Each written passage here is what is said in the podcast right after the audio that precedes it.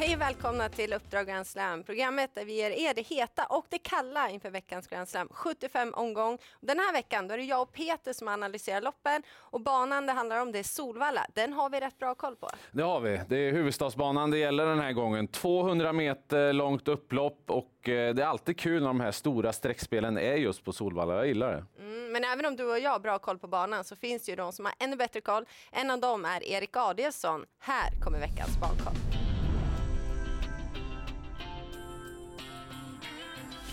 Nej, den sticker inte ut mycket jämfört med om man tar snittet i Sverige. Den har inte extremt långt upplopp och inte kort heller. Innerspåret är inte magiskt bra, det är inte magiskt dåligt. Jag skulle säga att det, den ligger någonstans i mitten på det mesta faktiskt. Ja, det låter ju som man har tänkt att det är verkligen en väldigt normal bana. Men det som är lite annorlunda på Solvalla det är att fler lopp vinns från utvändigt ledaren än eh, snittet av andra travbanor. Men det beror väl helt enkelt på att Örjan Kihlström är där så ofta. Ja, han trivs i den positionen och är väldigt skicklig att köra där också. Mm, och, och, bra hästar också. Och han vinner väldigt många lopp Solvalla. Så är det verkligen. Nu är det dags för veckans heta.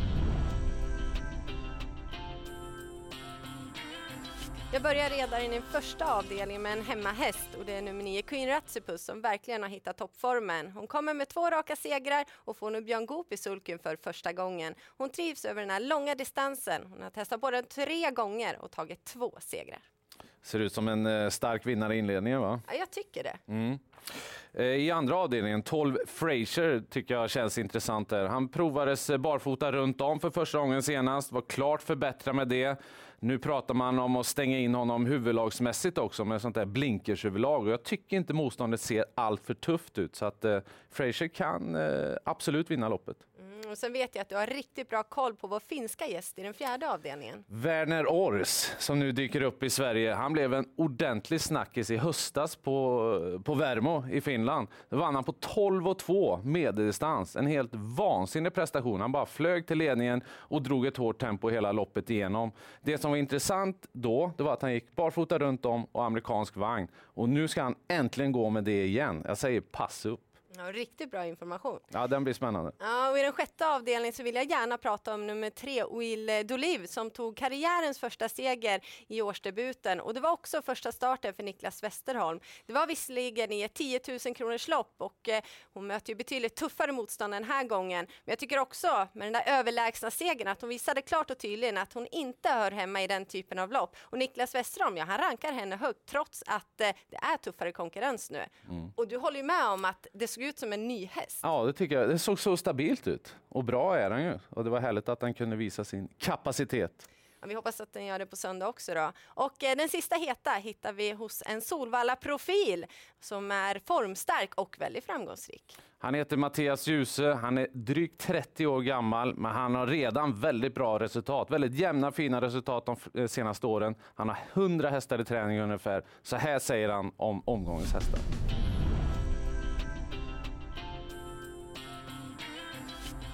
Lärd Hamilt Book, avdelning 3, nummer 8, GS75. Första segern i karriären senast, kommentar tränaren. han gjorde bra utvändigt ledaren och eh, kommer ju allt mer. Lite chansartat läge den här gången så om det klaffar, inte helt omöjligt han är med i segerstriden men en av flera. Defs definitivt, avdelning 4, nummer 13. Eh, formstark säger jag, vad säger du? Ja, verkligen var ju galopp senast i finalen med mycket krafter kvar. Bara lite klaff härifrån så tror jag att han är med i segerstriden.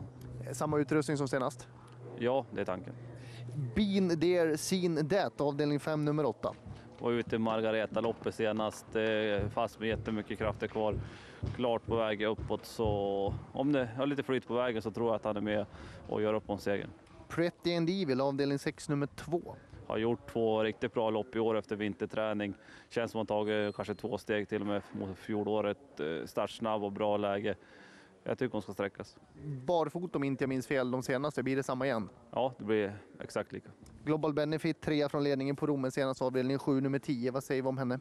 Eh, gick bra då, det var rätt tuffa hästar i det loppet. Minus på läget och en snabb ut så lite klaff kan hon dyka upp bland de tre. Tufft att vinna oavsett från bakspår. Bäst chans har? Det är väl Pret and Evil och definitivt. Ja, det är flera intressanta chanser för stall Ljuse på söndag och du har fastnat för en treåring som du tycker går ner i klass. Ja, i den femte avdelningen, åtta Binder Seen That, eh, som var ute i Margaretas unghästserie senast. Eh, Fick inte riktigt chansen till slut, mötte väldigt bra hästar då. Eh, Som du är inne på, går ner lite grann i klass den här gången. Jag vet att läget inte är jättebra, men jag tycker ändå att hästen är kraftigt på gång för dagen. Mm, och det är inte fullt fält. Nej, det är inte det, så att det underlättar ju lite. Det var de heta. Här kommer veckans kalla.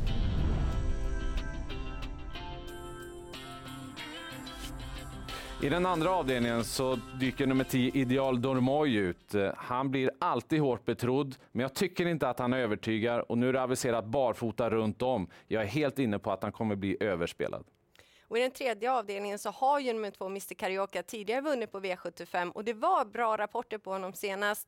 Men han såg inte perfekt ut och det blev galopp. Så nu kommer han med två raka galopper och jag vill se den gamla Mr Carioca innan jag vågar tro på honom igen. Dessutom så startar han från ett snävt andra spår i volten och det blir första gången för hans del.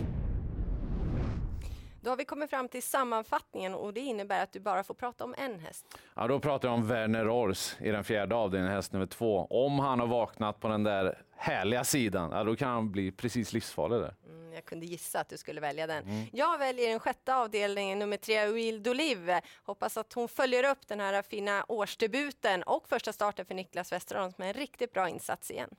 Och stall Mattias Djuse, det är stekhett för dagen, så se upp för hans hästar. Ska ni ta någon extra häst i ett lopp, då tar du hans. Ja, han har faktiskt dubblat sin segerprocent gentemot fjolåret som tränare. Och då önskar vi bara er ett stort lycka till.